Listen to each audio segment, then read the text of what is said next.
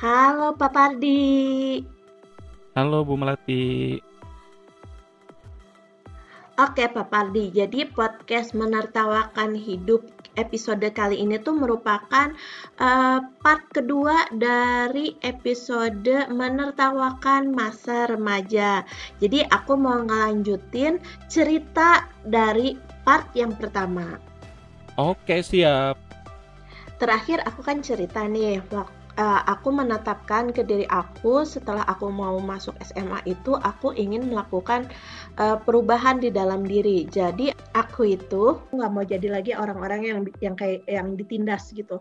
Mm -hmm. Aku mau tapi aku tuh nggak pernah menindas ya maksudnya pas lagi SMA tuh aku kayak nggak pernah ngebully gitu nggak pernah ada urusan sama adik kelas tuh nggak pernah gitu sama teman-teman juga biasa aja mm-hmm. nah hmm. aku tuh benar-benar coba untuk menjadi diri sendiri dan aku enjoy dengan diri aku sendiri nah waktu itu aku temenan sama cewek-cewek cewek-cewek yang rada populer gitu mm-hmm. nah waktu itu tuh lagi tren AADC tuh nggak sih lo oh ya tau lah gila mbak Alia kan aku mbak cintanya bapak mamet kan bapak mamet nggak apa-apa kan akhirnya dapat ini kan dapat uh, siapa tuh yang sama Christian Sugiono tuh Titi Kamal. Nah, ya si Mamet kan sama Titi Kamal Bukan, nih jadi. kamu ngarang nih eh, si Mamet di, di sama yang Oon. Oh iya iya. Si Mamet sama yang Oon. Sama Priscilla ya sama oh, si Mili. Oh iya benar benar benar benar. Kan ada film ya Mamet Mili. Iya benar benar gimana gimana? Nah, jadi ngomongin si Mamet. gara-gara gara-gara film ADC itu kan booming ada buku curhat waktu itu teh. Nggak tahu saya itu buku curhatnya maksudnya diary diary itu jadi kayak si si mereka berlim ber, mereka tuh berempat apa berlima sih ADC teh hmm. mereka tuh punya buku curhat nah jadi mereka tuh misalnya hari ini si ini curhat terus nanti dipindah ke oh tempat God. yang lain terus nanti di di hey, kamu semangat ya pokoknya oh adalah namanya tuh kalian melakukan curhat. itu juga Nah, teman-teman aku tuh melakukan hal itu ya. Mereka tuh punya buku curhat. Oh mereka tuh punya buku curhat. Nah, terus aku teh uh, gimana ya? Hmm, aku tuh udah merasa bahwa hal itu teh bukan hal yang cocok buat aku hmm, hmm. untuk main-main buku curhat. Kenapa? Cak naon sih ya gitu. Nggak nggak kayak nggak cocok aja gitu. Ngerti nggak uh, sih bukannya suka nulis ah, gitu nah, suka nulis suka ngomong harusnya cocok dulu belum menemukan hal itu. Dulu oh, belum oh. menemukan hal itu. Uh-huh. pokoknya aku nggak suka dengan hal-hal yang seperti itu gitu. Hmm. nah waktu itu kan kebetulan aku teh ikut ekstrakurikuler hoki ya. Jadi aku teh emang di dunia pertemanan aku teh nggak terlalu intens gitu. Karena aku jadi temennya jadi banyak hmm, ada hmm. geng di kelas ada geng di luar gitu Hmm, hmm. Ada geng di luar kelas. So, aku juga temenan sama kakak kelas kan. Hmm. Gara-gara aku eh, kakak aku sempat sekolah di sekolah yang sama. Hmm. Nah, udah gitu uh, tapi aku suka baca sih buku curhat ini tuh suka aku liatin tapi aku nggak pernah mau nulis gitu terus hmm. mereka tuh kalau ngomong ngobrol tuh girl talk gitu ngerti nggak yang kayaknya aku tuh nggak cocok sama girl talk itu itu nggak cocok gitu ya, tapi aku kayak apa itu maksudnya girl uh, aku tuh kayak nyimak nggak nyimak gitu hmm. ya aku lupa lah mereka ngomongin apa. Pokoknya kayak eh ini boyband ini bla bla bla bla. Kan aku oh. juga nggak nggak terlalu itu I'm not hmm. into it gitu. Ngerti nggak sih? Jadi kayak hmm. aku nyimak tapi rada-rada nggak dengerin gitu. Nah tapi ini tuh menjadi sebuah masalah sama mereka. Kenapa? Sama si teman-teman aku. Nggak ngerti aku juga. Nah terus di buku curhat itu tuh aku dijelek-jelekin Pak Pardi. Lah kan mereka tahu kan mereka tahu kalau Bu Melati baca juga. Tapi iya tapi mereka sengaja. Oh my mereka god sengaja. ini oh my god parah bisa. Emang emang aku nggak paham deh sama pertemanan perempuan itu. Nah terus aku teh aku teh nggak aku baca aku baca ya. Uh. dia tuh mereka tuh ngomong kayak gini sebel banget deh sama si ini. Dia tuh kayak nggak peduli banget sama temenan. Dia tuh temenan tuh ngapain sih katanya? Kenapa dia tuh nggak mau menulis buku curhat? Pokoknya intinya tuh itu aja. Mereka tuh sebel sama aku karena aku tuh nggak pernah gabung sama mereka oh my god. Ini aneh banget dan ditulis. Padahal kan tahu baca terus, juga. kayak terus mereka juga mempermasalahkan aku ngecengin siapa ngerti gak sih?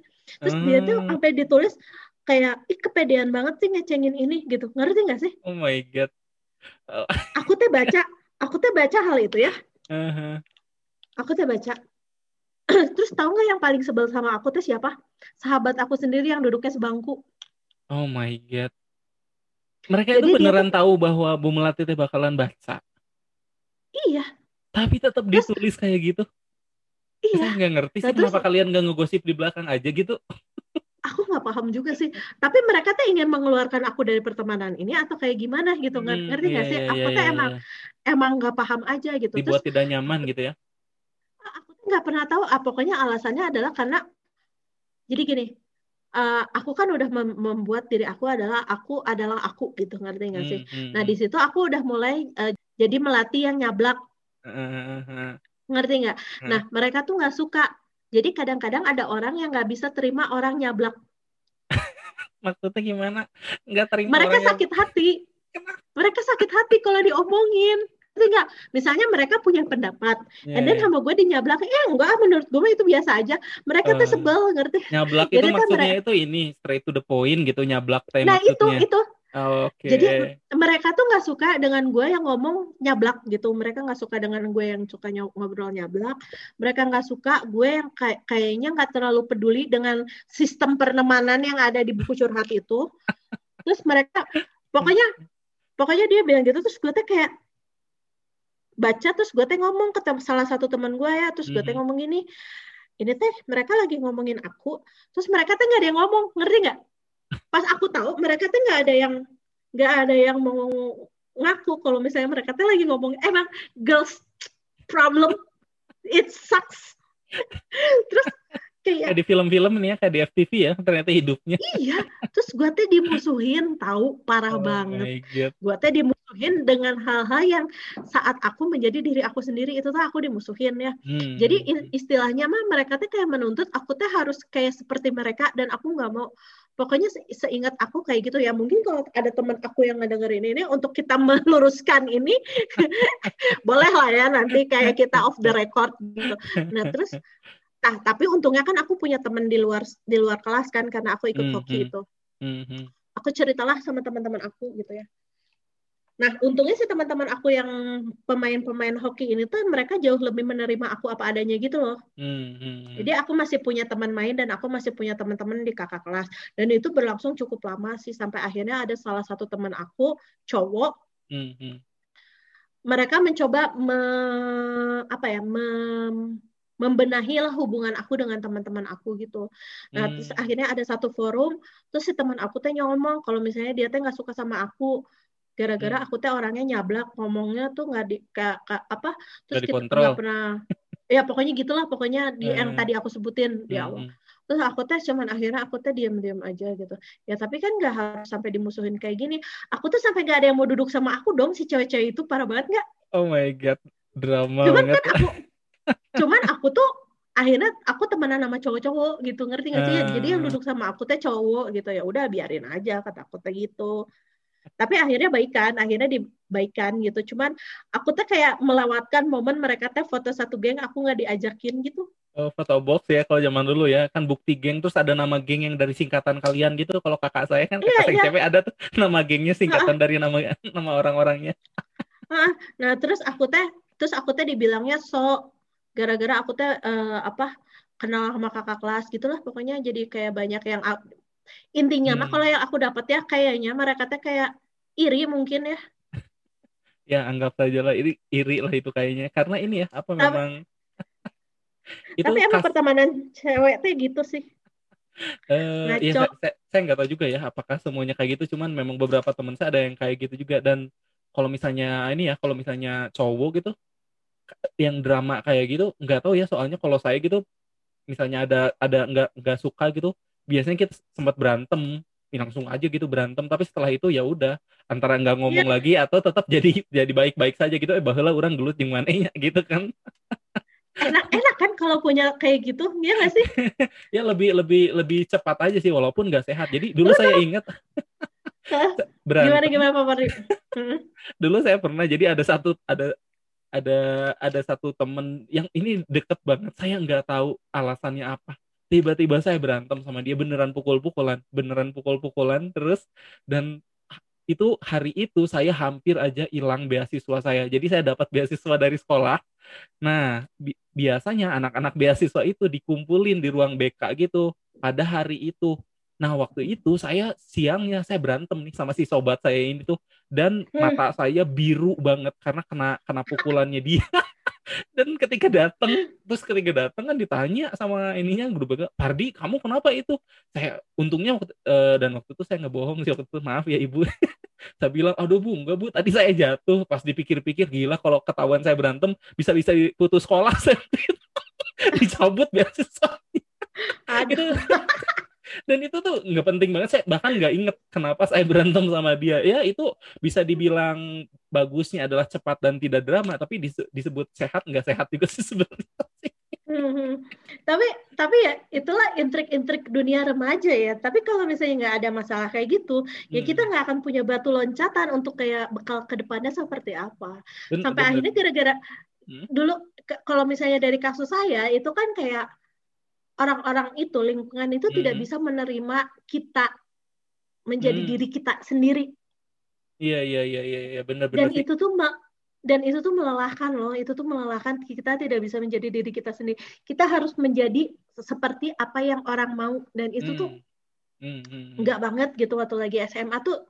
Tapi nggak tahu ya kalau anak-anak zaman sekarang kayak gimana. Karena aku kan ngajarnya juga di sekolah swasta ya. Hmm. Yang mananya uh, muridnya cuma sedikit. Jadi aku tidak melihat ada konflik-konflik seperti itu sih. Mungkin nggak tahu nah, aja tapi, sih gurunya biasanya nggak tahu siapa berantem sama siapa. Ya mungkin mungkin ya mungkin ya.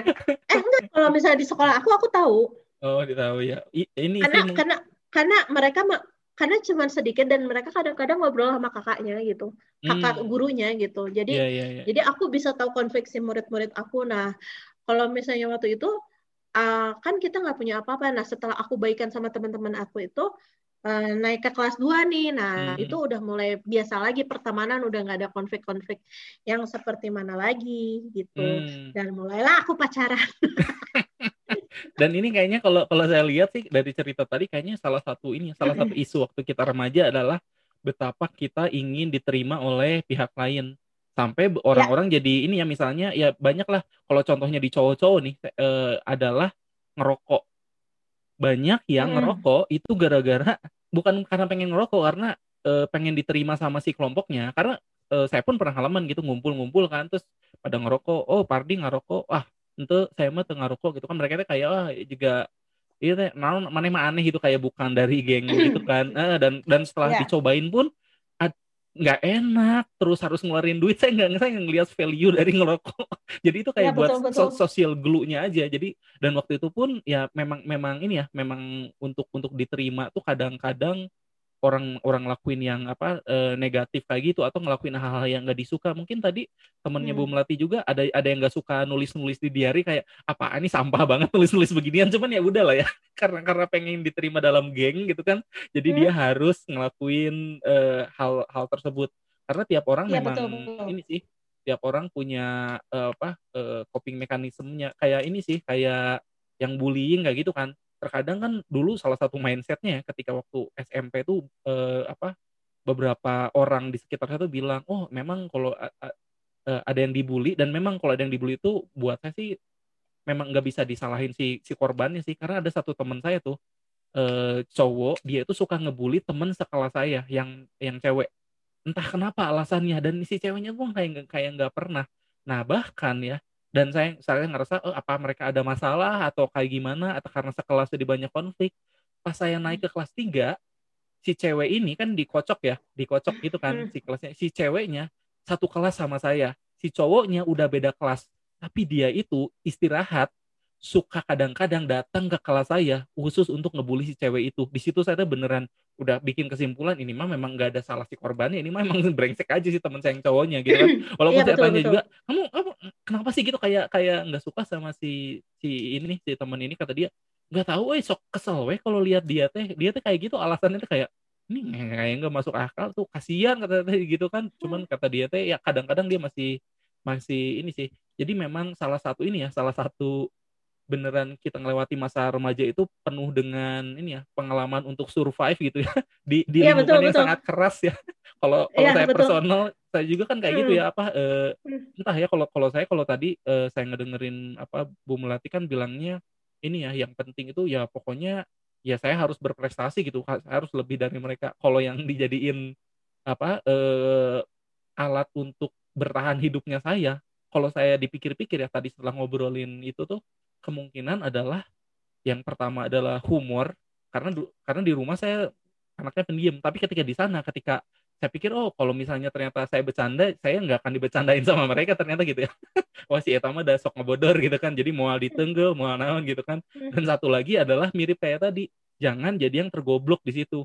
Jadi kan misalnya anak-anak yang suka nakal dan gitu-gitu kan biasanya ini ya nilainya goblok-goblok gitu ya saya juga nggak nggak paling pinter di kelas tapi nilai saya di atas mereka jadi kalau ada PR, oi orang orang ini juga kumaha gitu jadi mereka pun untuk ngebully dan dipikir-pikir itu kayaknya cara bertahan saya hidup waktu remaja atau enggak ya saya juga nggak yeah. tahu cuman saya baru kepikiran aja itu jangan-jangan cara cara saya survive di dunia remaja yang keras gitu kan Iya betul betul. Nah uh, apa ya waktu saya uh, akhirnya kan saya waktu itu kayak waktu itu saya coba buat kayak melewati kelas satu saya itu kan kelas satu ya kejadiannya itu kelas satu hmm, saya hmm, hmm, dengan ya udahlah gitu. Nah uh, akhirnya pun baikan lagi sama si teman sebangku saya dan akhirnya kita duduk barengan lagi gitu. Hmm. dan uh, oke okay, we are good gitu lah ya. Hmm. nah terus akhirnya kelas dua. Nah kebetulan kelas dua saya tuh satu kelas lagi sama sobat saya yang dari SMPT yang saya ceritain. Hmm. nah jadi di situ tuh kehidupan saya jauh lebih menyenangkan di kelas 2 SMA hmm. gitu. Nah itu pre itu prestasi menurun juga sih gara-gara ulin wae terus udah beger ya, ya udah Iya, terus cinta. udah beger pacaran kan gitu terus kayak jadi ya jadinya kayak ya itu tadi emang emang pas lagi remaja kan kita suka kayak ingin jadi rebel gitu loh paham gak sih? Hmm, hmm, hmm. hmm. Jadi pengennya tuh main sama teman-teman aku, terus kayak ngumpul di mana, ngapain gitu, bla bla bla, bla bla gitu yang ya ya. ya Pembuktian gitu kita udah gede mungkin ya, kita tuh udah gede ya. oh gitu kan. Uh, uh, terus kayak kayak udah, udah gede uh, uh, udah pingin kayak pingin nongkrong apa segala macam hmm. gitu sama hmm. sama temen aku dulu bahkan aku pernah tuh pulang malam sama jadi gini aku pergi sama temen aku tapi hmm. pacar aku juga ikut terus pulangnya malam-malam terus dimarahin aku tuh itu nggak banget deh pokoknya bener bener bener, bener. itu tapi tapi sebenarnya emang main gitu main waktu itu teh ke Curug ke mana gitu. Tapi hmm. uh, apa sama teman anak aku dulu mah ke kan. Curug ya mainnya. Iya. bukan ke mall. Anak sekarang mah ke mall nih ke Curug eh, ke Curug Curug nah, Cimahi nah terus udah gitu tuh emang emang main sih emang jalan-jalan. Aku ingat ke kebun teh apa ke mana gitu. Hmm, hmm, nah hmm. tapi kan itu menyenangkan gitu ya. Tapi kayak orang tua kan kayak melarang kan. Melarang kita sebetulnya buat, kan Iya, khawatir, orang, khawatir. Gitu. Nah, terus udah gitu, udah aja. Uh, jadi kayak sebenarnya kan itu tadi kita tuh dalam tahap eksplorasi mencari-cari apa hmm. sih sebenarnya yang cocok sama kita pun pertemanan kayak gitu kan kita ngelihat sama si ini oh ternyata nggak cocok sama si ini oh ternyata nggak cocok gitu hmm. nah tapi itu sebenarnya pintar-pintarnya kita juga kita akan menempatkan diri kita uh, menempatkan masalah yang terjadi dalam diri kita tuh seperti apa gitu hmm. dan kita menghadapinya seperti apa kalau misalnya kita bisa menghadapinya dengan dengan benar, hmm. kita tuh jadi malah mengenal diri sendiri, terus kita tuh bisa bersahabat dengan diri kita sendiri kan. Hmm. Jadi hmm, kenangan hmm. maupun pengalaman tuh bisa kita panggulangi lah istilahnya dengan tepat. Jadi kayak batu loncatan. Makanya kalau misalnya ngelihat orang saat saya saat ini, tuh mereka tuh nggak tahu dulu. Saya juga baru cerita sama orang-orang ya di sini nih di podcast hmm. ini gitu karena. Hmm. Masa muda saya juga banyak banget konfliknya dan banyak banget orang yang nggak suka sama saya gitu. Jadi sampai akhirnya tuh saya mikir kayak gini, uh, kita nggak bisa menuntut kita selalu disukai sama orang lain. Hmm, hmm, hmm, hmm. Ya biarin benar, aja kalau orang kalau misalnya orang nggak suka sama kita. Tapi kan itu saat kita udah gede kayak gini. Iya iya ya iya benar benar benar. Tapi kita pun melewati masa-masa insecure, terus ngerasa nggak diterima, ngerasa ditolak iya. oleh lingkungan juga sama-sama aja ya. Walaupun oh sekarang dia ceria itu, banget kayaknya hidupnya ya nggak juga sih, kamu nggak tahu aja. Iya, dan itu pun itu pun bisa terjadi karena kita sudah melewati banyak hal dan akhirnya kita kayak belajar dari pengalaman tersebut kan gitu. Hmm, hmm, Se hmm. sebenarnya ya itu tadi apa yang kita terjadi saat-saat remaja tuh akan menjadi akan berpengaruh seumur hidup sih. Tapi bagaimana hmm. kita sebagai personal pribadi untuk menanggapi karena si murid aku tuh pernah ya dia tidak diterima oleh lingkungannya. Dia cerita hmm. sama aku dia sedih. Gitu. Hmm. Tapi aku tuh bisa ngomong kayak dia ke dia kayak gini, kamu ngapain sedih? Berarti kalau misalnya emang lingkungan itu nggak cocok sama kamu, ya kamu uh, apa? Jangan memaksakan. Karena aku pernah ada di posisi kamu dan itu tuh rasanya nggak enak gitu. Uh, tapi gini, kalau misalnya tapi kamu ingin merasa seperti itu, ingin apa bertahan diterima di lingkungan itu, ya kamu cobain aja. Nanti juga kamu pasti akan tahu, oh ini nggak cocok sama aku gitu. Mungkin saat ini kamu ingin banget, tapi nanti juga lama-lama kamu ngerasa ngapain ya ternyata nggak nggak hmm, enak hmm. gitu. Kalau ketemu sama Jadi yang emang, lebih cocok gitu, ngapain gue ya kemarin iya, ngabisin waktu tapi, sama mereka. tapi sebenarnya tapi waktu lagi di SMA tuh nggak bisa kayak gitu kan yeah, kita tuh yeah. emang ada keinginan untuk diterima oleh lingkungan kan, pembuktian hmm. gitu dan bener, bener, dan bener. tapi ya itulah uh, bersama masalah-masalah itu kan kita membentuk diri gitu ya sebenarnya gitu. Thanks God itulah yang aku pelajari di sekolah negeri. Bener kan? keras ya, keras. Karena, karena keras. Sekolah negeri parah sih. Nah terus, uh, nah pas ini, ini tuh berlanjut sih Pak Padi. Jadi pas lagi aku udah akhirnya kan aku lebih mengenal diri aku sendiri. Oh ternyata tuh aku orangnya nyablak. Aku tuh orangnya kayak gini. Aku tuh sebenarnya orangnya bisa cheerful loh dengan untuk uh, dengan hal-hal tertentu. Tapi mungkin dengan orang-orang tertentu. Nah itu aku kembangin lagi si self esteem aku tuh aku kembangin lagi ketika aku masuk kuliah. Hmm. Jadi, Jadi aku udah naik kelas lagi udah gitu. mau iya kan menuju dewasa muda dong kalau hmm, lagi kuliah hmm, bener hmm. nggak Hmm, nah, aku teh udah kayak mematok di dalam diri aku sendiri. Aku bilang, aku harus lebih baik dari sebelumnya. Aku hmm, jangan jadi orang yang menyebalkan. Jangan. Jadi, kalaupun aku ingin menjadi diri aku sendiri, aku harus tahu uh, lingkungan aku seperti apa. Jangan sampai aku menyakiti hati orang lain gitu. Mungkin, hmm, mungkin hmm. dari hasil, mungkin aku terlalu pede gitu ya. Aku ingin jadi diri aku sendiri, tapi ternyata nggak bisa gitu. Kita juga harus punya kontrol dan, dan, dan tapi kan itu semua ada tahapannya kan. Kita belajar dari pengalaman pengalaman sampai akhirnya aku masuk kuliah dan menurut aku masa-masa kuliah itu masa-masa yang menyenangkan sih kayak aku kayaknya hmm, tidak hmm. menemukan konflik deh pas aku lagi kuliah justru karena udah bisa nerima diri sendiri gitu betul dan kayaknya aku lebih kayak merasa ya udah kalau orang ini nggak suka sama aku ya nggak apa-apa gitu nggak apa-apa hmm. mangga kamu nggak suka sama aku jadi ya nggak usah aku terlalu pikirin juga gitu karena nggak harus bersahabat dengan uh, ini ya 7 hmm. miliar hmm. manusia juga kan sebetulnya. Ya kita nggak musuhan tetap temenan biasa tapi nggak harus sedekat itu dengan semua orang ya. juga. Iya. Dan dan apa ya? Kita tuh akan selalu ada di satu lingkungan di mana kita ada orang hmm. yang akan berusaha untuk menguasai kita. Benar nggak? Menguasai itu gimana? Ja, ya, jadi waktu itu online. ada cewek-cewek ada ada cewek-cewek waktu itu kan aku pernah uh, kuliah di salah satu universitas swasta cuman hmm. sebulan batu loncatan menuju universitas negeri oh iya iya sekalian juga gitu nunggu hasil SPMB ya Iya betul. Nah terus, terus ada ada sekumpulan cewek. Aku tuh nggak kayak, uh, ya aku mungkin dari pengalaman pengalaman aku yang sebelumnya aku merasa aku nggak cocok temenan sama cewek. Hmm. Jadi aku temenannya sama cowok-cowok di sana hmm. gitu. Nah terus di sana tuh aku udah bawa mobil. Hmm. Hmm. Nah ada cewek-cewek eh melatih hmm. uh, kamu bawa mobil ya itu tuh ada loh yang kayak gitu. Oh ya? Oh my god, ngeri ada banget. Objek yang diomongin pertama mobil. iya. Nah, terus teman aku yang cowok kan nggak denger ya. Hmm. Terus kamu ngomong kayak gini, emang kamu kenal? Kenal dong, kita kan satu kelas. Terus dalam hati aku tuh saat itu ngomong kayak gini, gila ya dia dia dia baru ngajak ngobrol aku gara-gara aku bawa mobil gitu. Terus tapi yeah. si temen aku yang cowok ini menyuarakan apa yang aku yang ada di dalam pikiran aku dia ngomong hmm. kayak gini kalau baru nyapa setelah tahu dia bawa mobil enggak bla bla bla bla bla gitu terus pokoknya malesin aja terus pasti cewek-cewek itu pergi hmm. nah kebetulan si cowok yang aku temenin ini tuh ada hmm. ganteng hmm. gitu ya Ay. dia dia tuh ngomong kayak gini ke aku katanya udah kamu mah nggak usah temenan sama orang-orang yang kayak gitu kak ngapain katanya gitu jadi aku tuh senang dengan si cowok-cowok tuh kayaknya lebih logis terus mereka kalau nggak suka ya diomonginnya di depan jadi I feel comfort ya uh, untuk iya, iya, iya. sama cowok gitu mungkin karena Dan itu ya apa lingkungan pertemanan yang cocoknya kayak gitu ya yang nggak banyak basa-basi Iya betul betul. Terus kayak kayak waktu itu tuh aku kalau per, pernah juga dipermasalahin ngecengin orang terus kayak kok pede banget sih ngecengin dia? Kok kamu kepedean sih? Emang kayak kita teh gue dosa apa sih nggak boleh ngecengin? Emang kalau misalnya gue ngecengin ini siapa ya? Siapa?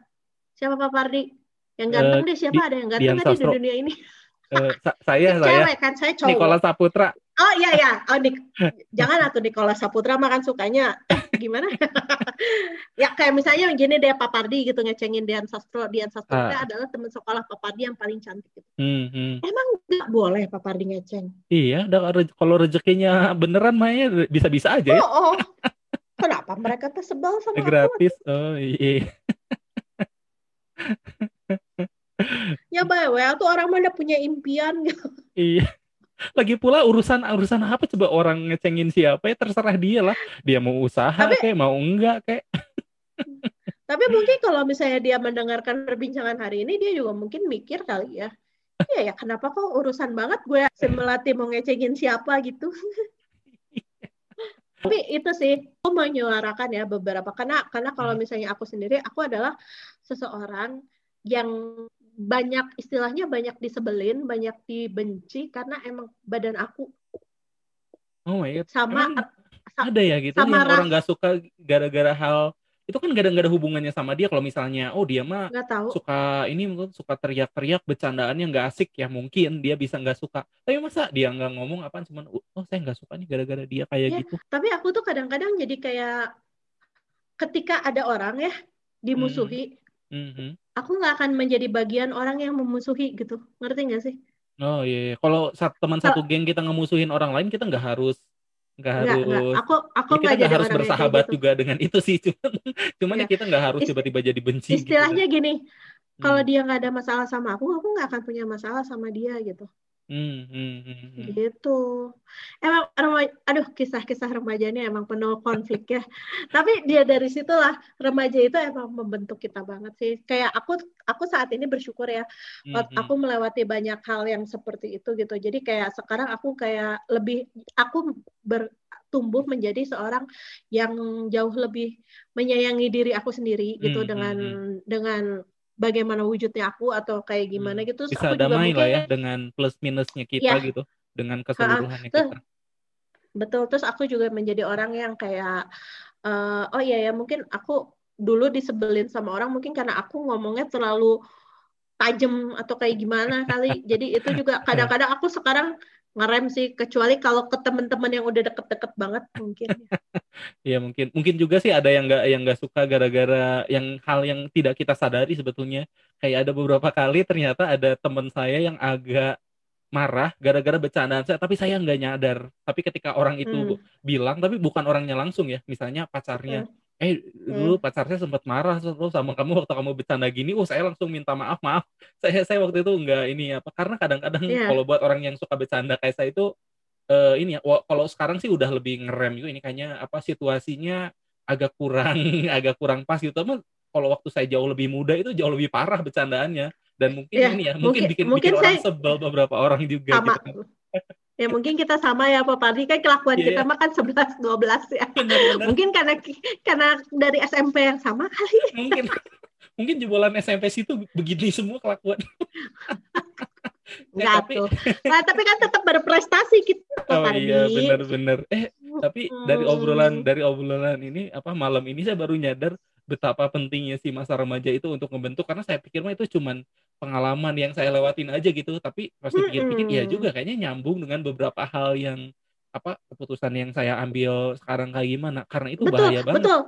karena itu bahaya betul, banget ketika jadi ini, ketika iya, ini uh, iya bahaya banget tuh jadi ketika kita ngelewatin masa itu tuh sendirian atau dengan orang yang sebetulnya nggak nggak terlalu oke okay juga. Kan lebih aman sebetulnya kalau ini ya di masa itu tuh kita misalnya lebih dekat atau lebih banyak diskusi dengan orang tua tapi yang terjadi malah sering kebalikannya ya justru kita lagi bro, hmm. lagi jauh-jauhnya sama orang tua lagi jauh-jauhnya sama kakak atau adik gitu kan e, kebetulan saya punya kakak juga dan kalau saya hmm. ini pikir-pikir kayaknya masa itu adalah masa paling jauh dari kita dan semakin tua kita jadi semakin dekat dan semakin sayang gitu tapi kalau zaman Betul. dulu itu kayak lagi lagi ininya emosi banget di kita ngapain iya. dimarahi karena ya itu tadi Pak, kita tuh emang ada di masa-masa eksplorasi yang tadi saya hmm, bilang hmm, gitu hmm. loh. Terus sama kan tadi Pak Pardi bilang, ya kita, saya jadi tahu tuh apa uh, diri saya gitu kan. Hmm, hmm. Karena emang pas lagi masa remaja itu kita emang istilahnya menemukan keidealan lah. Kita hmm. tuh idealnya diri kita tuh seperti apa? Hmm. tujuannya seperti apa kita tuh mau tujuannya kayak gimana terus wawasan-wawasan gitu kayak kita mulai tahu oh apa ini yang interest kita tuh apa, ini tuh apa. Jadi kita tuh emang memperkaya diri kita sendiri tuh emang dimulainya di masa remaja. Dan kalau misalnya emang nggak ada dibekelin pas lagi masa remaja emang itu rada sulit sih gitu akhirnya kita hmm. hidupnya ya merasa gitu-gitu aja tapi itu juga lagi-lagi kembali ke dalam orangnya gitu kalau misalnya emang dia merasa gitu-gitu aja itu nggak apa-apa ya nggak apa-apa gitu tidak hmm, hmm, kita hmm, nggak hmm. bisa ngejudge juga ih kok hidup lo gitu-gitu aja sih tapi mungkin hmm. emang merasa dia merasa hidup gitu-gitu aja tuh emang udah yang terbaik buat diri dia gitu hmm, jadi lebih tahu ini aja ya kepengen kita kita itu kayak gimana terus kepengen kita kayak gimana dan nggak mikirin juga kata orang kayak gimana ya kayak tadi ih kenapa dia mah kita ngapain aja pasti ada yang ngomongin misalnya nih yeah. ketika SMP-nya males nih tiba-tiba SMA-nya yeah. teman saya ada tuh SMP-nya dia inilah tukang main game aja kelakuannya waktu hmm. SMA saya ngedenger saya beda SMA sama dia ternyata dia itu jadi uh, yang nilai UN-nya paling tinggi di sekolahnya dia tapi kata hmm. saya wih gila keren banget tapi ada juga yang ngomentarin wah dia mah sok-sok ambis pas udah SMA-nya katanya ya urusan dia lah. Mau ambis kayak iya. mau ngapain? Urusan dia kalaupun Maksudnya... nanti dia kalaupun nanti dia per, apa misalnya dia uh, jadi biasa-biasa aja gitu uh, apa ya nilainya nggak terlalu gede nggak terlalu kecil pasti diomongin juga tuh kan gara-gara iya. main game terus sih lu jadi kayak gitu. Nah, nah emang emang lambe orang tuh nggak bisa kita kontrol gitu. Akhirnya ya ya udahlah ya gitu. Kayak misalnya ya uh, mungkin juga ada yang ngomongin gitu saya gitu ya misalnya hmm. ih si melati mah sekarang kayak gini padahal dulunya ya udah ada masa lalu tuh kayak udah masa lalu kenapa harus lo ungkit lagi? Itu untungnya apa? Ketika gue dulu terpuruk emang gue harus terpuruk sepanjang hidup gue? Kan enggak dong gitu. Ngerti gak sih? Iya, sampai yeah, yeah, ada ya dulu tuh dulu tuh saya sempat musuhan sama satu teman Nah, tapi sekarang dia tuh kayak nge-follow Instagram saya gitu ya. Mm-hmm. Terus dia tuh kayak sering kayak komen misalnya, "Ih, kamu ini ya, kamu itu ya." Jadi, hal tuh dia sebel banget dulu sama saya. Saya ingat sampai sampai musuhan gitu. Terus mm-hmm. sampai akhirnya tuh dia kayak ngobrol banyak gitu. "Ih, uh, kamu sekarang orangnya gini ya." Pokoknya tiap saya yang lakukan dia kayak komen gitu aja gitu. Terus mungkin mm-hmm. dia juga nyadar kok uh, mungkin dia melakukan kayak ih si Mel si melati kok hidupnya menyenangkan ya gitu hmm. tapi kan hmm, hmm. istilahnya gini lah kita tuh nggak janganlah ngebandingin hidup kita sama orang lain gitu aku juga hmm. kalau ngebandingin hidup aku sama orang lain mah nggak akan nggak akan happy happy aja happy happy hmm. amat hmm. gitu hmm. kalau kita ngebandingin ya istilahnya gini kita tuh hidup bisa menjadi diri kita sendiri hmm. tapi jangan sampai menyakiti orang lain hmm. jangan sampai merugikan orang lain Hmm, Ngerti hmm, nggak? Hmm. Yeah, Jadi yeah. istilahnya mah sadar diri, sadar lingkungan, sadar tujuan cak ya. Iya. Apa sih gue? sadar lingkungan kayak Hansip aja sadar lingkungan. Enggak, itu ada slogannya di SMA oh, aku ini di, oh, di sekolah iya. aku. ya tapi kayak gitu bener gitu. Akhirnya uh, apa? Uh, aku juga pernah ngobrol sama murid-murid aku ya kamu kalau misalnya mau jadi diri kamu sendiri ya kamu yang pasti jangan ngerugiin orang lain jangan ngerugiin lingkungan gitu atau kayak gimana. Tapi mungkin benar juga ya. Karena kan kita nggak pernah sadar ya dulu pas lagi kita lagi remaja teh kita teh melakukan apa teh kita kan emang ya pola pikir kita saat ini sama pola pikir kita waktu remaja kan emang beda ya. Mungkin dulu hmm, hmm ngerasanya hmm. benar tapi ternyata dipikir lagi ya salah. Jadi tiba-tiba jadi pikir ngomong gini ya kalau misalnya buat teman-teman aku yang dulu pernah musuhan sama aku ya kalau misalnya emang aku yang salah ya udah deh aku minta tapi kasih tahu salahnya apa ya supaya bisa memperbaiki diri juga. Iya sih iya sih betul betul karena emang kalau kehidupan pertemanan perempuan jauh lebih banyak konfliknya ya. Oh, saya nggak tahu sih. Nanti kalau saya sebut iya nanti saya disebut seksis nanti ya sekarang ada drama juga cuman bedanya ini mungkin ya bedanya beda bentuk aja. Kalau cowok iya. lebih banyak berantemnya mungkin. Kalau cowok tuh enaknya gini kalau nggak suka langsung diomongin gitu. Nah kalau cewek tuh di belakang nggak bisa langsung. Nah kalau misal akhirnya aku tuh menemukan sih kalau aku tuh emang aku tuh bukan tomboy ya bukan tomboy tapi aku tuh hmm. sisi maskulinnya jauh lebih tinggi. Istilahnya gimana sih ya, bu nggak tomboy tapi sisi maskulinnya lebih tinggi? Enggak kayaknya ini ada yang mau kontradiksi. aku tuh gak mau mengakui diri aku tomboy, aku tuh uh, feminim. Okay. Karena aku suka warna pink. Oh, oke okay, oke. Okay. Itu itu kayaknya bukan ini juga, tapi, bukan ciri-ciri feminim juga. nggak tahu sih, tapi orang tuh emang bilangnya aku tomboy itu, tapi aku tuh ngerasa aku nggak tomboy, aku suka main Barbie kok. Oh, aku iya. suka main Barbie, aku suka uh, apa? Aku suka hal-hal yang romantis, tapi mungkin aku bersikap jauh lebih melalui kayak apa ya? Sisi sudut pandang cowok gitu ya kayak ngerasa Enggak, mungkin ini... itu berarti orang itu ini ngelihatnya stereotype misalnya kalau cewek itu jarang yang straight to the point misalnya ya. Mungkin mereka yang nah, masalahnya mungkin, ada di mereka sih. Kalau saya sih ngelihat ya kamu tetap cewek aja sih kalau straight to the point juga. Ya nggak ada ngaruhnya sama ya, gender. Iya iya benar. Tapi nggak nggak tahu ya nggak tahu ya. Takutnya ini juga pembenaran diri. Takutnya emang saya ngomong waktu itu emang menyakiti perasaan kan saya juga nggak tahu ya. Karena hmm. hmm. Ya kalau saya diomongin di depan langsung daripada saya di apa ya dipuji-puji tapi hmm. tipu-tipu kadang-kadang kan, kan penyampaiannya kadang-kadang yang ini kan yang iya, yang iya, kurang mungkin tepat. salahnya di situ kali ya mungkin mungkin karena kan ya. kita juga nggak tahu ya kayak, misalnya kayak kita tadi, se- kayak ta- uh, kayak ta- uh, kayak tadi Pak Pardi bilang kan mungkin. Pak Pardi ngomong bercanda tuh tahunya orang sakit hati kan bener bener karena penyampaiannya kayak ini aja saya pernah ngedenger analogi yang lumayan menarik itu tuh kalau kita ada yang ulang tahun terus kita bilang happy birthday beli uh, apa apa uh, beliin kuenya tapi dilemparin ke mukanya itu kan sebetulnya niatnya bagus ya merayakan ulang tahun tapi cara penyampaiannya salah katanya kayak begitu ya betul betul kayak gitu sih Pak Fardi Wah seru juga ya perbincangan ini Pak Fardi. Gila, ternyata rada berat juga. Oh iya, salah satu yang saya jadi baru-baru saja jadi keingetan. Salah satu yang paling isu yang paling banyak itu waktu remaja adalah bener sih. Itu masalah banding ngebandingin sih. Mm itu kalau si orang itu mah eh, enak ya dia mah udah jagoan basket ranking satu gitu kan. Kalau saya aduh ini mm. ranking 29 basket juga nggak bisa walaupun tinggi. Tingginya tidak berfaedah gitu kan. Lari juga bukan yang paling cepat gitu. Padahal yang kalau kalau prinsipnya mah itu sih prinsipnya mah ya kalau kalau saya pribadi mah gitu sih. Jangan ngebandingin sama orang lain bandinginnya sama diri kita tapi yang lama sih supaya ada progresnya tapi kita nggak pressure gitu untuk uh, apa pengen jadi sama kayak orang. Topiknya kita, uh, uh, kita tidak Serius. tidak uh, rada rada kita kita gak ini yang kalau saya sih nggak ini tidak menyangka masa remaja ternyata seberat itu kalau dipikir-pikir. Ya ini mirip lah mirip kayak yang ini mirip kayak yang uh, apa topik introvert extrovert kita. Karena dua yeah. hal yang berbeda. Kayak ini kan pengalaman cowok sama cewek kayaknya beda juga ya. Iya. Karir juga kita kan pas lagi uh, menertawakan awal karir juga bener, rada bener, lumayan bener, bener bener bener. Memang kayak gitu hmm. ya yang yang berat tapi kita teh ngalaminnya hal yang berbeda. Iya betul.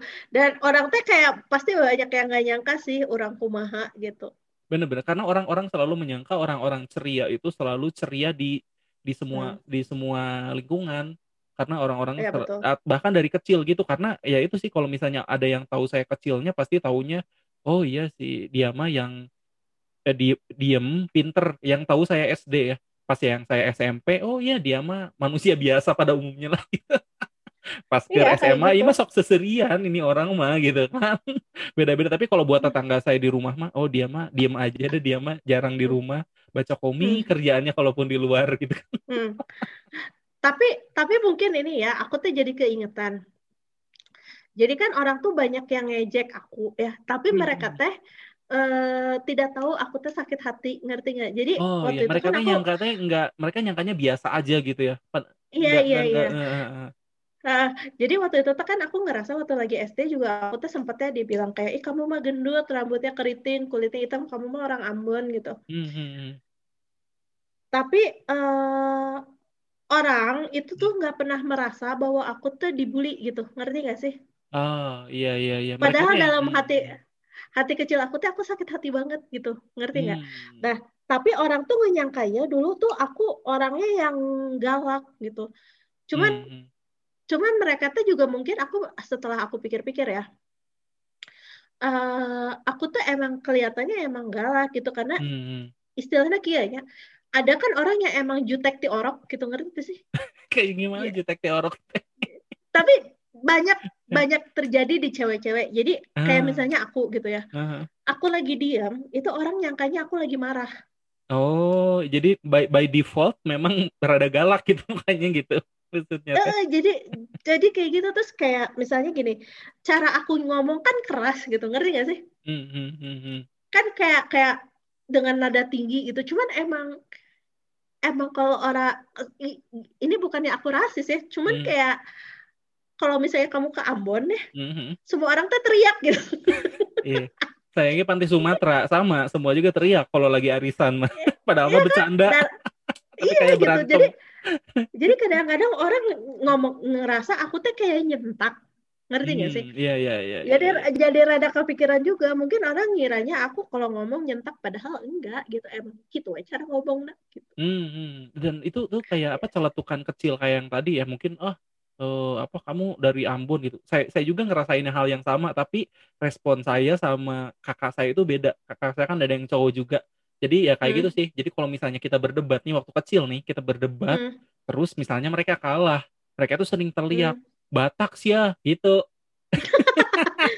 Nah kalau kakak saya itu tuh bisa hmm. berantem digituin. Tapi kalau saya enggak. Makanya teman saya sempat tanya kenapa kamu mah enggak marah? Kakak kamu mah marah kayak dan saya pikir ya saya mah emang ada turunan Bataknya sih jadi ya, so what? Gitu. Ketika Batak sih ya eh, nyanyinya sih orang orang mah emang kayak turunan terus kenaon gitu itu kan bukan sesuatu yang salah di kepala saya juga kayak gitu sih jadi saya juga marah gitu tapi Pak Fardi, hmm. buat saya pribadi ya, hmm. saya tuh cukup lama loh buat menerima saya itu nggak apa-apa jadi orang Ambon. Oh iya? Oh, iya. Betul. Saya tuh baru baru menerima saya orang Ambon itu kayak I'm okay. Aku orang hmm. Ambon itu tahun berapa coba? Eh uh, SMA? No, tahun 2016. Gila baru beberapa tahun yang lalu dong. Karena selama ini tuh aku selalu kayak kayak dibilang iya orang Ambon Ambon lo Ambon lo terus kayak hmm. kayak gimana ya aku tuh kayak jadi ngerasa I'm not proud hmm. uh, menjadi orang Ambon gitu sampai hmm. satu hari gini aku tuh kan uh, apa ya uh, ke Ambon itu walaupun aku, aku tuh dibilangnya Ambon coret karena orangnya kan nyunda banget ya yeah, sama kayak saya uh, uh, jadi waktu itu tuh uh, saya tuh ke Ambon tuh waktu kecil Hmm. Ini juga masalahnya terjadi saat remaja sih sebenarnya, hmm. uh, karena ya entahlah kenapa orang kalau misalnya ngelihat orang yang hitam, orang yang hmm. gendut, orang yang kritik, aku nggak hmm. tahu kenapa mereka tuh kayak sinis gitu kayak sebel hmm, hmm, apa sih salahnya gitu ngerti nggak sih yeah, yeah. Uh, mungkin sekarang orang udah lebih open minded ya tapi kalau dulu kan hal yang kayak gitu tuh jadi bahan hinaan gitu nah sampai satu kali aku tuh pergi liputan aku pergi liputan ke hmm. eh enggak gini aku tuh nggak pernah ke Ambon terus hmm. akhirnya papa aku meninggal hmm. terus aku akhirnya nggak pernah ke Ambon sama sekali terus hmm. kayak hmm. ya pokoknya kayak udah aja lupa gitu sama Ambon gitu tapi orang masih hmm. tetap kayak ngahin, uh, ngajakin aku orang Ambon hmm. nah terus aku pergilah aku teh ke Ambon ya pergilah hmm. aku teh ke Ambon nah aku teh kan punya marga hmm. ya kan aku yeah. teh punya marga uh, melatih tuana desa. nah, aku teh kan punya marga. Nah, aku teh uh, waktu itu disuruh liputan ke Ambon sama uh. si uh, redaktur aku. Hmm. Kamu ke Ambon ya katanya gitu. Hmm. Oh iya kata aku teh kayak gitu. Oh iya kata aku teh gitu. Uh, waktu itu aku liputan ke Banda Neira. Wah beruntung nah, banget. Oh parah sih parah, oh parah beruntung, God, beruntung banget. banget. Terus dibilang ini pulang kampung sana dia bilang gitu si redaktur aku tuh aku ketawa nah hmm. waktu itu tuh aku pergi sama barengan sama Kemendikbud hmm. aku tuh pergi sama Kemendikbud terus pas nyampe di sana uh, aku tuh ngeliat gitu oh ini tuh Ambon aku tuh kayak udah lupa banget karena aku waktu masih kecil banget baru ke sana ya hmm. nah terus uh, setiap ketemu orang orang yang pergi bareng sama aku hmm. uh, dia tuh ngomong Nona ini tuana desa gitu ngomong kayak uh, gitu kan iya, iya, iya. Nah terus uh, oh iya katanya iya katanya terus itu tuh jadi dari dari mulut ke mulut gitu terus kayak hmm. orang tuh karena tahu aku marga aku ya nah. terus mereka tuh langsung kayak Saudara sambut ya? dengan eh uh, bener gak sih? Kayak iya. terus kayak kayak aku tuh kayak di, disambut di rumah gitu ngerti gak sih? Kayak dianggap keluarga aja langsung. Oh kamu memang keluarga iya, dari iya. kami gitu kan? Iya iya iya iya. Iya terus kayak ramah terus kayak uh, oh itu um, uh, Nona punya marga marga besar di sini dia bilang kayak gitu. Hmm, terus gue hmm. tuh kayak nggak tahu apa apa tentang marga gue ya. Dan terus kayak kayak entahlah liputan itu tuh seperti udah kayak settingan alam semesta gitu ya soalnya si si si orangnya kan gue tuh pergi sama Kemendikbud ya sama hmm, orang hmm. Kemendikbud nah si orang Kemendikbud teh ngomong kayak gini uh, kamu tahu nggak sih uh, perjalanan itu udah disetting dari berapa la beberapa lama dia bilang gitu hmm. tapi selalu gagal dia bilang kayak gitu hmm. uh, gagal kenapa pak yang nggak tahu pasti ada aja uh, pasti ada aja halangan-halangannya sampai hmm. akhirnya kamu yang berangkat dan kita tuh kayak nggak ada halangan sama sekali dia bilang kayak gitu ya hmm. jadi emang kayak ada banyak pokoknya kayak kayak ada banyak cocok loginya lah ada banyak kebenarannya gitu hmm. Terus dia bilang gini, ya mungkin juga kamu harus nengok uh, kampung halaman uh, orang tua kamu, ayah hmm, kamu. Hmm, hmm, Mungkin emang udah ada waktunya aja. Terus orang teh kayak cicing gitu nya nih hmm, dengerin si Eta ngomong kayak lagi ngedengerin orang tua ngomongnya orang teh cicing uh, mungkin ya kata gue teh. Terus gue teh ngeliatnya orang-orang teh kok ramah sama aku gitu. Kenapa orang-orang teh sebel bukan sebel ya kenapa aku tuh jadi bahan ejekan kalau aku tuh orang hmm, Ambon hmm. gitu terus kenapa aku jadi nggak bangga? Ternyata hmm, pas hmm, nyampe di situ tuh kok kayaknya orang-orang semua baik sama aku gitu. Terus hmm, uh, aku tuh kan lagi diajak makan di satu kafe gitu ya terus hmm. orang-orang orang-orang sana tuh kan suka nyanyi terus yeah, mereka yeah, tuh nyanyi yeah. gitu. Suka joget juga. uh, uh, terus orang tuh ninggalikan mereka tuh nyanyi tuh bagus begitu suaranya. Uh sampai ada mereka tuh nyanyi satu lagu ya entah kenapa gue tuh bergetar sampai nangis ya kayak gue tuh kayak malu ih kenapa ya kok gue tuh nggak bangga menjadi orang hmm. Ambon gitu hmm, hmm. nah baru tahu betapa kerennya gitu ya iya terus gue tuh hmm. kayak tuh orang-orangnya baik-baik terus gue tuh hmm. orang asing yang hmm. gue tuh malah diterima terus gue tuh pernah uh, mau nyeberang ya dari Pulau Banda eh hmm. ya dari Pulau Banda ke Pulau Hatta aku tuh mau nyebrang nah hmm. terus teh aku tuh dititipin tau nggak sampai ngomong kayak gini si orangnya teh ngomong kayak gini hmm. uh, ini titip ya Nona ini punya marga tuana desa dia bilang kayak gitu kan uh. Uh, oh ya udah oh Nona tuana desa terus langsung kayak oh iya iya iya gitu ngerti gak ini aku hmm. plesetin ya si marga yeah, yeah. aku iya iya iya Iya iya bener tapi memang salah satu perjalanan yang paling menyenangkan tuh waktu saya ke Ambon juga sih orangnya baik-baik ramah-ramah ya ke ke orang yang yeah. ini ke orang asing juga gitu yang saya nggak bisa juga bahasa sana terus makanannya enak-enak terus salah satu daerah tiap daerah yang uh, apa tiap daerah favorit saya pasti musik lokalnya hidup gitu jadi kalau kita ke karaoke itu tuh musik lagu sana kan dan itu saya seneng banget. Iya. Iya, terus dari situ aku tuh tapi kayak aku tuh sempat mikir, iya ya ternyata banyak hal di di di di kehidupan remaja aku yang pada akhirnya memberikan dampak baik dan akhirnya memberikan trauma.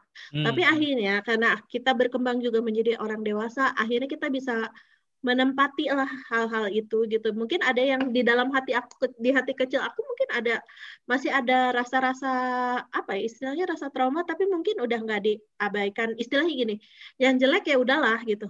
Hmm, hmm, hmm, yang hmm, bagus ya udah eh, yang bagus oke okay lah gitu akhirnya digituin yang jelek ya udah dijadiin pelajaran hidup aja gitu aku juga kalau ketemu mungkin ketemu orang-orang yang dulu menyakiti aku mungkin aku juga udah biasa aja kali ya ya semoga ya kan bisa ini kan bisa dimaafkan tapi tidak dilupakan katanya. Cah elah. Itu mah buat si dia. Oh.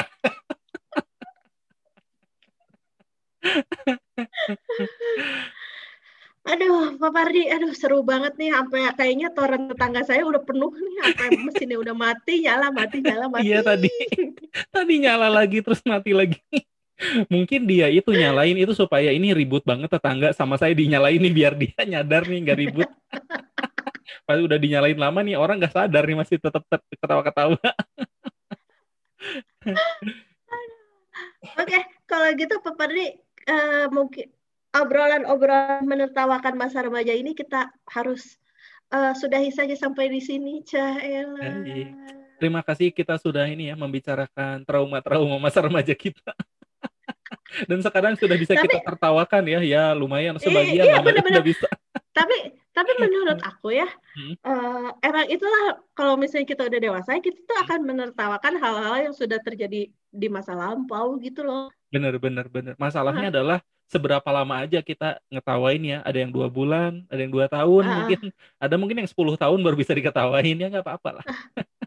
Tapi kalau kalau saya lihat-lihat Pak Pari kayaknya konfliknya dikit juga ya waktu lagi remaja. Kalau saya kan kayaknya ngedredet panjang gitu. Mungkin kalau saya banyak tapi nggak terlalu dipikirin ya. Oh kayak gitu ya udahlah. Tapi emang itu cowok ya, kali ya. Kenapa? Ya mungkin nah, juga itu. ya, mungkin juga. Jadi nggak nggak terlalu banyak. Jadi kalau misalnya ada konflik sama temen gitu, ya udah palingan ya udah kita nggak akan ngobrol lagi aja gitu. Tapi aku ingin tahu deh konflik terbesar. Pak Pardi pernah kayak kan kalau saya tadi sempat hmm. Uh, apa sering dimusuhin gitu ya. Hmm. Kalau Pak Pardi sendiri gimana? Kalau yang beneran konflik dengan si teman-teman ya itu sih beneran satu teman deket banget. Satu tem itu beneran udah deket banget dan sama orang-orang tuh kayak di kita kayak punya julukannya gitu gitu. Pardi apa gitu karena karena kita beneran kita beneran selalu ke mana-mana berdua ngobrolnya cocok banget selera humor kita cocok banget dan saya bener sampai hari ini saya nggak tahu kenapa tiba-tiba hilang. Dan saya ya si orang ini saya sempat nyari sosial medianya loh. Karena saya pikir teh kita kayaknya nggak ada masalah apa-apa deh. Kita cowok kayak, itu teh? Cowok cowok cowok. Itu hmm. tuh beneran jadi teman sebangku gitu. Eh apa ya pastilah apa pasti sempat ribut dengan beberapa orang. Tapi dengan si orang itu saya beneran nggak kebayang apa yang sampai sekarang ya saya beneran nggak nggak nggak apa nggak nggak nggak kebayang karena apa gitu mungkin suatu saat mungkin ketika saya udah lebih tua tidak sengaja ketemu sama dia mungkin kita bisa ngobrol dan menertawakan bersama-sama. Karena tapi buat saya tapi nggak ingat. Pak Pardi nggak ingat? Saya nggak ingat saya nggak ingat. Yang saya ingat adalah kemungkinan beberapa teman di kelas saya itu kayak memang kayak semacam apa mengadu domba kita berdua gitu sih. Oh. Cuman saya nggak ingat kenapa karena karena buat saya teh pertemanan kita kayaknya udah terlalu deket sampai itu sampai bisa adu fisik gitu. Itu kan kayak udah apa kayak udah uh, titik akhir gitu ya. Kalau udah sampai pukul-pukulan itu dan saya juga nggak nggak nyadar kenapa sih.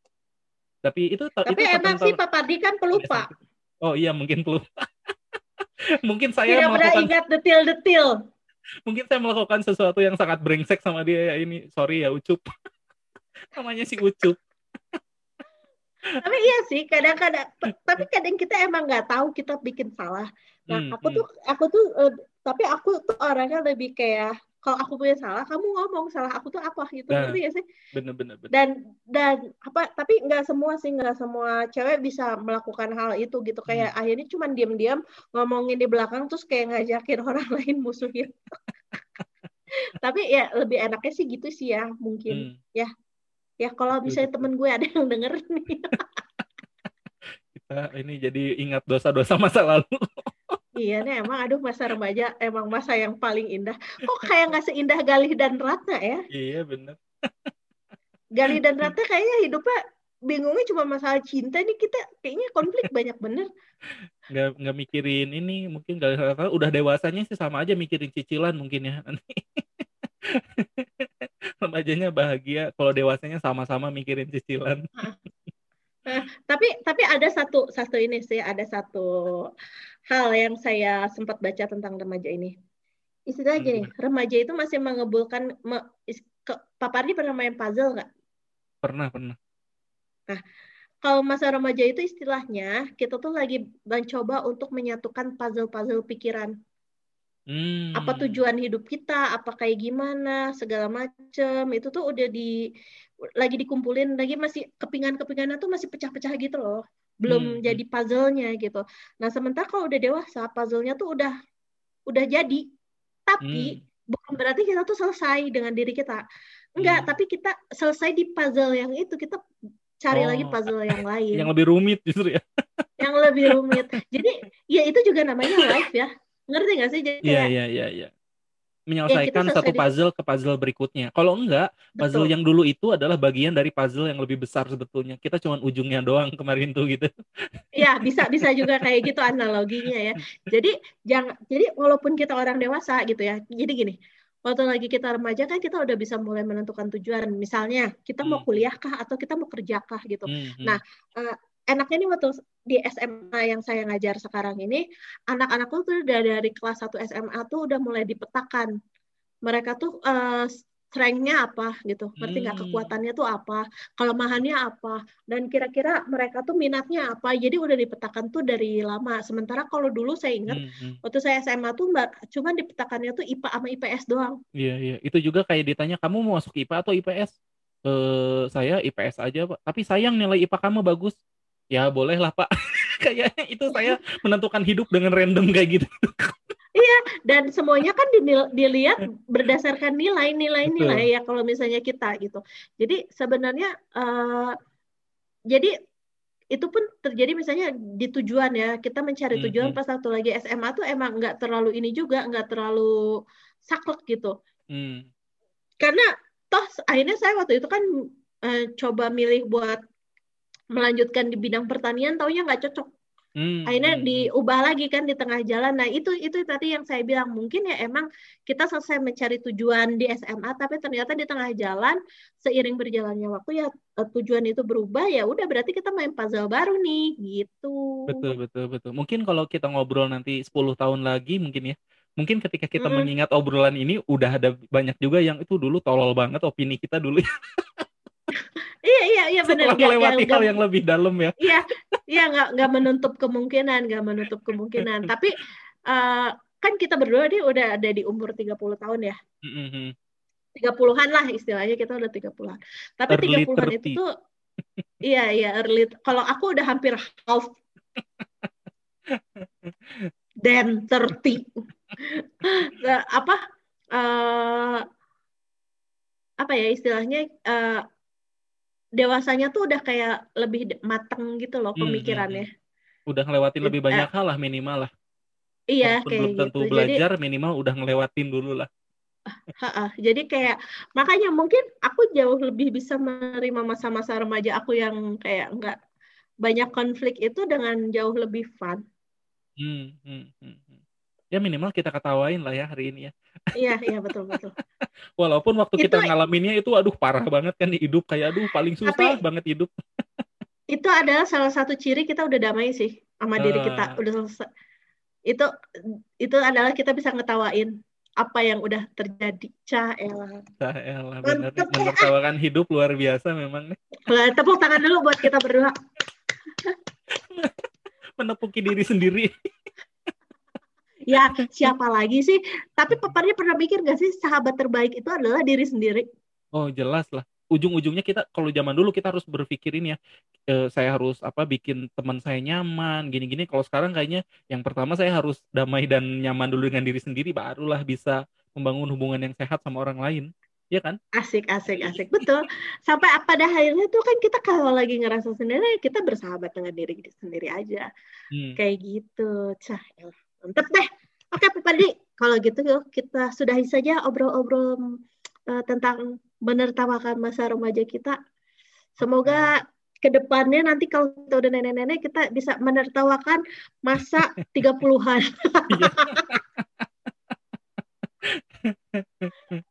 ya udah deh. Okay. Kita ketemu lagi di episode selanjutnya Pak Pardi. Oke, okay, bye-bye. Bye.